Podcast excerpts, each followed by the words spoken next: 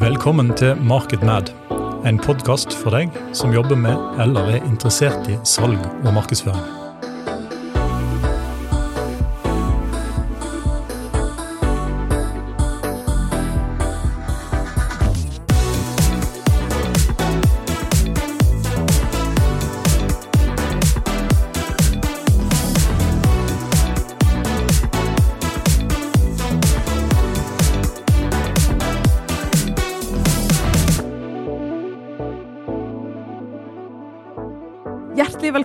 Til eh, Market Mad, podkasten for deg som er interessert i salg og markedsføring. Mitt navn er Mariell Sæternes, og jeg er daglig leder i SRF. Og har eh, gleden av å være programleder for Market Mad i denne episoden. Og med meg i denne episoden har jeg eh, Anna Ekblom, som er retorikkonsulent og foreleser innenfor retorikk. Hjertelig velkommen, Anna. Tusen takk. Du, Vi har jo eh, hatt deg her på salgskonferansen nå og hatt et foredrag om retorikk. Og vi går liksom ut av eh, salen nå til pausen med masse energi. Eh, mange gode tanker om retorikk. Jeg blir veldig bevisst på det som skjer nå. Men det jeg lurte litt på først, er sånn Hvordan ble du interessert i retorikk? Eh, Ja, det var egentlig en eh, tilfeldighet. Eller min, med min fremtidsplan så fikk en ganske drastisk eh, endring. Jeg skulle egentlig bli økonom. Eh, Det var hele min familie, så jeg tenkte at alle vi var jo sånne. Men jeg kom ikke inn på Økonomihøgskolen i Lund i Sverige da det jeg ville gå, for jeg ville flytte til, eh, til Sverige. Og eh, under tiden som jeg skulle lese opp da mattekarakteren min, som jeg ikke kom inn, så fikk jeg tatt et frittstående kurs, og da valgte jeg et kurs i retorikk. Jeg ante ikke hva det var, men jeg tenkte sånn, jeg hadde hørt at det handlet om å overbevise, og det er jo sikkert greit å kunne, tenkte jeg. Eh, Men så da jeg begynte på dette kurset, så innså jeg egentlig ganske raskt at jeg satt og var eh, sånn overrasket over det jeg fikk lære meg. Og fordi jeg fikk lære meg ting som ja, men hvor skal jeg egentlig se når man presenterer, og hvordan skal jeg være troverdig, hvordan skal jeg bygge en relasjon enkelt, hvordan kan jeg overbevise, hvordan skal jeg lytte når andre snakker. Og jeg synes at det var, jeg husker jeg tenkte det var rart at jeg hadde gått hele veien til universitetet og aldri engang visst om at det fantes verktøy for disse tingene. Så jeg begynte å sjekke rundt og innså at det var ingen jeg kjente som visste dette. Eh, og så så jeg da liksom dette, dette glappet mellom alt det vi forventes kunne, og det vi faktisk får lære oss. For vi forventes jo kunne, ja, kunne presentere, kunne forhandle, kunne selge oss selv på en arbeidsintervju, kunne håndtere konflikter, kunne gi feedback. Men vi får aldri lære oss hvordan. Eh, og resultatet av det er jo at eh, taleengselen, eller fobi for å tale, er den vanligste fobien. Og en tredjedel av nordmenn takker faktisk nei til avansement i karrieren sin bare for at de ikke vil snakke foran folk. Ja. Og det er så uh, utrolig ofte folk sier til meg. Ja. Sånn, eh, når jeg holder jo en del sånn, uh, introduserer mye arrangementer som vi har i SRF, og da sier folk til meg sånn Ja, men det er jo så lett for deg. Eh, fordi jeg pleier å være veldig nervøs. Og så sier jeg å, det er jo jeg òg. Ja. Jeg er jo veldig nervøs hver eneste gang. Smått eller stort, eller sånne ting, så er jeg veldig veldig nervøs. Ja, det er Men jeg har jo eh, erfaring nok til å vite på en måte at eh, det eh, føles veldig godt ut etterpå. Sånn at den nervøsiteten hjelper deg og skjerper deg litt. Grann, mm. Eh, og når folk liksom blir fortalt det, for folk har ikke blitt fortalt det engang, at det er vanlig å være nervøs, så er liksom Å ja, OK, kanskje, kanskje jeg òg kan prøve meg, da. Liksom. Så det er jo eh, veldig synd at det ikke er mer fokus på de tinga. Sånn som du snakket om inne òg, at folk ikke lærer disse tingene på skolen. Det å lære å presentere, det bare antas at vi skal kunne det.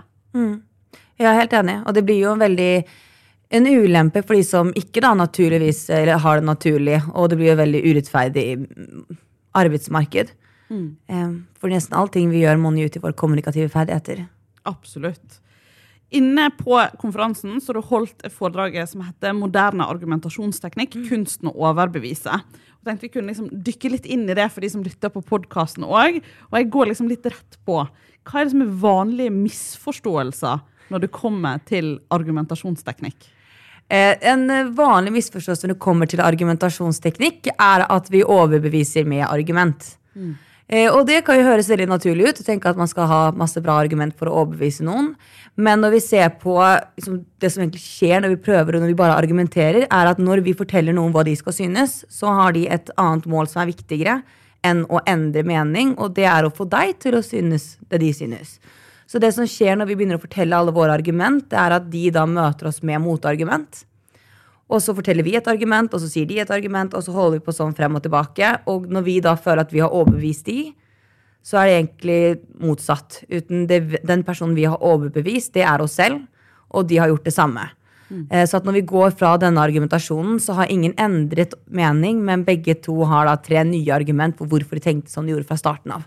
Mm. Og det er vel kanskje den vanligste feiltakelsen vi gjør. Ja. Mm. Det er jo litt sånn i kanskje alle fronter i livet, både på jobb og hjemme, at det, vi kunne vært litt flinkere til å lytte og se ting fra den andre sitt perspektiv. Ja. Ja. Mm. Eh, Anna er jo eh, veldig god både i eh, svensk og i norsk. Ja. Eh, så det kan jo være greit å si for de som lytter, at hvis du opplever sånn hint av svorsk her, så er det fordi at hun faktisk er fra begge steder. Så hun håndterer begge språk ganske godt, og da blir det litt sånn at vi har hatt en svensk foredragsholder før Anna i dag. Ja. Så vi har jo bare maks forvirret henne i, dagen i dag.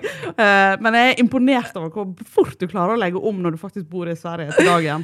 Ja. Veldig imponerende. Takk. Jeg prøver, men vi tar høyde for alle disse feiluttalelsene. Ja, det kan være greit for lytterne å vite. Du, du nevner i foredraget det å håndtere disse her psykologiske mekanismene som hindrer mennesker fra å bli overbevist. Um, kan du gi noen eksempler på noen sånne mekanismer, og liksom hvordan vi kan håndtere dem? Ja, eh, Den ene av de er jo den som vi akkurat snakket om. Den kalles backfire-effekten. Og eh, det er jo da hvor du prøver å overbevise noen med argument, og istedenfor så overbeviser de seg selv. Eh, og den håndterer vi samtidig som vi håndterer en annen psykologisk effekt, som er egoboblen. Og vårt ego er ofte det som står i veien for oss for å kunne endre åsikt, endre mening. Og det er også da den andre persons ego som vi må eh, håndtere. Og egoboblen har du sikkert opplevd eh, før. Den syns og føles veldig tydelig på hjemmeplan i privatlivet. Den er like aktuell selv profesjonelt, men den er veldig tydelig privat. Eh, si at du krangler med noen der hjemme om et eller annet sånn hverdagslig.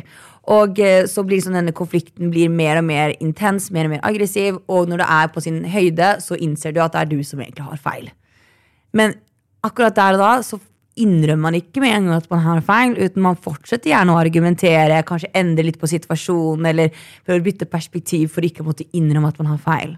Og det her er da vi som prøver å beskytte vårt ego. Og det som skjer når vårt ego er, føles som det er under angrep, hvilket det gjør når noen sier du har feil, eller det stemmer ikke, eller kritiserer det du synes eller du har gjort, eh, da må vi gå i forsvar. Og da aktiveres egoboblen. Og egoboblen er en samling av alle våre forsvarsmekanismer. Og her kommer da noen til å kanskje bli sinte, noen blir lei seg, noen bare går derfra, man stenger ned. Men det alle disse reaksjonene har til felles, er at ingen av de er interessert av å høre det den andre har å si. Så når egoboblen er aktivert, eller om den andre personens da egoboblen er aktivert, da spiller det nesten ingen rolle hvor bra argument du har. Fordi de er helt uinteressert av å lytte. Eh, Og det er den vanligste at vi, vi håndterer ikke den uten når noen er i sitt ego. Da står vi og forteller og argumenterer og gir forklaringer.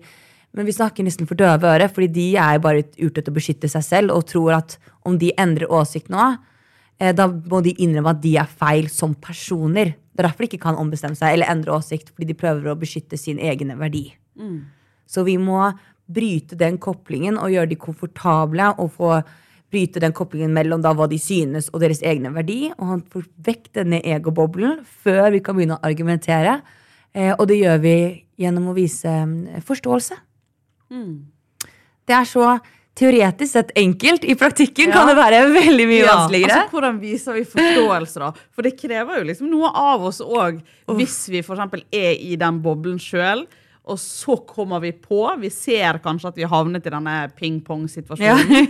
eh, og så Da krever det jo ganske mye av oss å liksom stige ut av vår egen boble da, for å på en måte håndtere situasjonen annerledes. Altså, Hvordan får vi, viser vi forståelse på riktig måte? Det er så bra spørsmål, og mange føler kanskje at de gjør det, fordi vi sier jo sånn Ja, jeg skjønner hva du mener, eller Ja. jeg hører deg, men Og så fortsetter vi, og det gir ingen forståelse. Nei. Å si jeg skjønner eller jeg hører, det, det gir dessverre ikke det. Uten, eh, og det kan være så vanskelig å skulle gjøre det, selv om det høres veldig enkelt ut på papiret. Og måten vi gjør det på, er jo å skifte fokus fra å prøve å overbevise til å se for da prøve å nysgjerrig forstå. Ok, men hva, hva gjør at de ikke er enige med meg? Hvorfor synes de noe annerledes?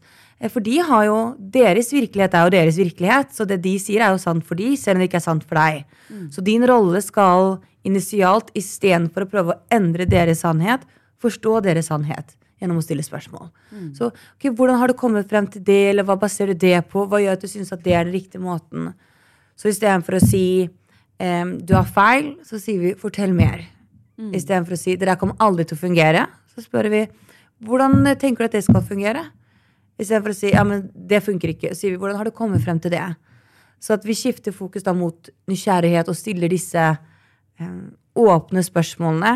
Eh, ikke da stille spørsmål anklagende, men nysgjerrig og lytter aktivt og nysgjerrig når de snakker faktisk finne den ekte, liksom, autentiske mm. forståelsen i oss da, og ville løse det. Mm. Og, og, da er jo det liksom i forlengelsen av dette, da, så sier du jo det at hvis vi faktisk får dette til, så har vi større sjanse for at vi overbeviser de med det vi i utgangspunktet hoppet på å overbevise dem om. Mm. Så det er jo faktisk en mekanisme for å overbevise.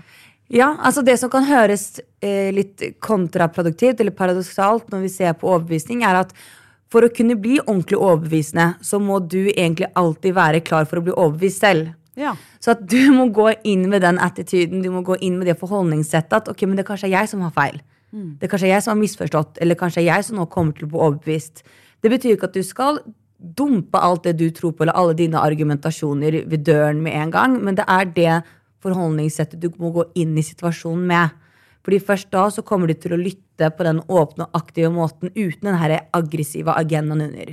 Og det trengs fordi å få noen til å endre mening eller endre åsikt, spesielt om det er noe som er viktig for dem, er en veldig veldig sensitiv prosess. Og man må være mm. sensitiv mm. mot alle de eh, ja, mekanismene som ligger under. Så da må man ha dette åpne forholdningssettet for å kunne vinne over de til din side. Og det er det det handler om. Ikke liksom vinne over og trykke til og bulldose med argument, uten faktisk snarere lokke de med deg over til din side. Mm. Og da må de først føle seg komfortable, respekterte og har lyst til å høre på det du så har å si. Og den eneste måten å få folk til å vilje høre på hva du har å si, er å først høre på de. Ja, Det høres jo på mange måter ut eh, ikke bare som kunsten å overbevise, men kunsten om den gode samtalen. Ja, sant? Eh, og det er jo litt det samme. I sammenhengen òg. Mm. Og nå er vi jo her eh, med masse selgere og mm. eh, salgsledere i salen. Og de er jo hver dag i situasjoner der de skal overbevise. Og i de sammenhenger så møter de jo ofte innvendinger fra potensielle kunder mm. eller eksisterende kunder. Har du noen eh, tips eller teknikker som de på en måte kan bruke som er kanskje spesielt effektive i de situasjonene? Mm. Eh, innvendinger er jo Mange kan være litt sånn redde for det. Men tenk ja. om de sier nei, eller 'å, det her har jeg ikke lyst til'. Så, Frykten for nei, ja. Mm. Men eh, man må ikke se på innvendinger som at, et, eh, at, du har gjort noe feil, eller som at du ikke er interessert. fordi selv om du har den beste, eh, beste, argumentene, den beste pitchen, eller du forklarer det kjempefint, så kommer de nok nesten sannsynlig til å ha noen typer av innvendinger. Og det er ikke fordi du har gjort noe galt, det er bare fordi vi er ganske skeptiske som mennesker. Og vi trenger mer belegg for å kunne ta en bra beslutning. Så en innvending er egentlig bare en måte for oss å si 'jeg er ikke overbevist enda', men jeg trenger mer informasjon. Ja. Og det er sånn vi også må se det. Så når noen sier nei, så skal vi ikke tenke det som en avslutning. Uten det er mer som en indikasjon fra deres side at de har bare ikke fått nok informasjon ennå. Mm. Og da blir det igjen, om de ikke føler at de har fått nok informasjon, okay, men da kommer jeg kunne først finne ut av hva er det de savner. Hva er det som gjør at de sier nei? Eller hva er det som gjør at de sier at det her er ikke en bra forslag, eller dette er ikke for oss? Så det blir mitt første steg, er å da stille det spørsmålet. Ok, Hva gjør at du sier nei, eller hva er det for at du savner, eller hvilken del er det du ikke liker, eller hva er det som gjør at dette ikke kommer til å fungere? Så du stiller den, det spørsmålet, så at du kan få riktig informasjon. Fordi om de sier nei, og du da begynner å forklare jo, jo, det er bra for de, og kommer masse argument, da fins jo dels risk, risikoen at vi går tilbake inn i ping-pong med mm. argument, og du får backfire-effekt igjen. igjen. Ja, så begynner vi på nytt. Eh, men en annen risiko er jo at du snakker om helt feil ting. For om de sier nei, og så begynner de å snakke om hvor eh, bra det er prismessig, men de kanskje ikke bryr seg om det, uten de mm. tenker på installasjonstid. Ja.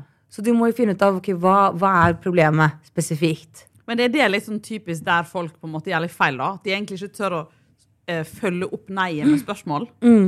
Ja. De bare kjører rett på og liksom eh, tenker at de nesten skal levere den samme argumentasjonsrekken en gang til. Yes. Vi bare hamrer på videre. Vi, vi tør ikke, vi er redde for hva de kommer til å si, og vi vet ikke helt hvordan vi skal håndtere um, dialogen videre. Så da bare står vi og stamper. Men om du står og sier akkurat det samme en gang til, da kommer jo de til å si akkurat det samme en gang til.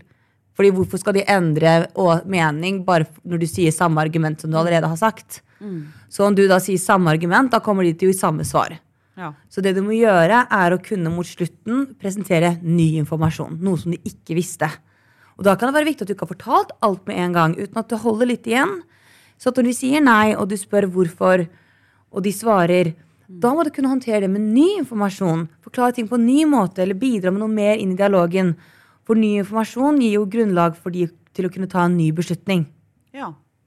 Det krever jo egentlig litt mot da, i en salgsprosess å på en måte holde tilbake informasjonen. For man har jo kanskje mest lyst til å bare liksom gi alt det gode med en gang for å overbevise. Eh, men da er jo egentlig tipset å liksom holde noe tilbake som, som gjør at du kan møte innvendinger, for de kommer til å komme. Ja, og det du kan tenke du kan holde tilbake, er detaljer. detaljer. Eh, initialt når du skal da fortelle hvorfor man skal gjøre noe, du kan ha tre argument. Tre veldig gode argument for hvorfor man skal kjøpe det du eh, selger. Men, og de kan være ganske overgripende. Det kan være en som handler om fakta, en som handler om noens erfaring, at det har funket for andre, et eksempel, og en som kanskje trigger følelser. Eh, som Ja. sier at ja, men det her er bra for trygghet, håp, muligheter, hva det kan være. Men detaljer kvinner du selger inn, det trengs ikke initialt for å overbevises. Om noen så kan det nesten bare skremme personen vekk. Ja. For når det kommer for mye informasjon på en gang, da blir det for mye for oss å filtrere. Og om en idé eller et forslag høres for kompleks ut, så tror vi også at det blir for vanskelig. Og da orker vi ikke. Så at eh, det å holde igjen, det kan holde igjen på detaljer som nettopp kanskje detaljer kring pris eller installasjonstid eller de praktiske tingene. Og den informasjonen bruker du så senere for å håndtere innvendinger. Ja. Veldig gode tips. Har du noen Hvordan liksom trener folk på å bli bedre på dette? Altså, hva, hva er det de gjør, de som blir gode på dette? Hvordan trener de i hverdagen? Eh, det viktigste er kanskje å trene selv i situasjoner hvor det ikke er så veldig alvorlig. Eh, det finnes så mange ulike deler og ting å trene på. Så om du vil liksom virkelig spisse din kompetanse kring disse, velg ut noe spesifikt og tren på det en stund. Det kanskje er at din utfordring akkurat nå er ego. Ok, jeg kanskje blir trigget. Eller det kan være å håndtere andres ego gjennom å stille spørsmål, ikke begynne med argument. Om det er det du føler at det her vil jeg jobbe med først, tren på det ganske lenge før du går videre på neste, for den måten blir det naturlig. Og ikke vent med å trene eh, til du har disse riktig viktige kundesamtalene, uten tren i hverdagen. Tren med dine nærmeste kollegaer, tren med din partner. Eh, om du klarer å beholde ditt eget ego rolig når du har en konflikt med partneren din, da kommer det nok til å gå veldig fint å håndtere det ego på jobben. Eh, så tren i hverdagssituasjoner, og tren på spesifikke deler av det en stund til det blir naturlig før du går videre på neste verktøy. Ja. Altså, det er så mange gode tips her. Det er, bare, jeg tenker at det er nok veldig mange som har lyst til å liksom fordype seg mer i akkurat det her. Da. For det er jo ehm, litt sånn som vi snakker om det inne, det er jo ikke no noe nytt, det som går på teori. Det er jo gammelt eh, faglig og eksistert uh, kjempelenge som et fag. Eh, og jeg kjenner sjøl òg at jeg blir veldig interessert i å bare lære mer om det. Ehm, og da lurer jeg litt på om du har en liksom kjent person fra eh, historien eller kanskje popkultur nå, som du anser til å være god på retorikk? Har du liksom noen forbilder som vi andre veit hvem er? Eh, på retorikk og det her med å forstå mennesker og konflikter, så fins det en, eh, en kvinne, en psykolog som heter Esther Farrell. eh, hun snakker da og, um, om relational psychology. Og konflikt og argumentasjoner, det er veldig det det er. Så hun snakker veldig mye om disse mekanismene som står bak, og hvordan man håndterer, hvordan man får folk til å lytte. Eh, og ja, kjempe, Hun har både en pod og med masse forelesninger osv. Ja. Eh, så fins det også en, en eh, forhandlingsekspert som heter Chris Voss. Han var eh, FBI hostage negotiator, hva skal jeg si. Eh, har en kjempebra bok som heter um, um, Never Split the Difference, heter han ikke. Ja, Det var en god bok, det òg, Det er også en veldig god bok. Men eh, ja, han heter Chris Moss, og han har en bok i behandlingsteknikk som jeg ikke husker hva heter. Ja, men den finner vi. han er FBI hostage negotiator. Eh, og den skal jeg si er kanskje en av de mest moderne når det kommer til akkurat forhandlingsteknikk. Til forskjell fra disse andre som Never Split the Difference, som er litt mer statisk i sin metodikk, så er hans eh, måte å håndtere forhandlingssituasjoner på mye mer eh, flytende, og hvilket ofte er det vi trenger, fordi vi mennesker er så uforutsigbare. Så disse statiske systemene som var før i tiden når vi snakket om forhandling, de funker ikke i praktikken. Men det gjør eh, Voss metodikk. Kult. Tusen takk, eh, Anna, for at du kom både til salgskonferansen og hadde lyst til å være med i Market Mad. Det tar jeg skikkelig pris på. Jeg er helt sikker på at det ikke er siste gangen vi inviterer deg til Bergen. Tusen takk for at du ble med. Nei, selv tusen takk.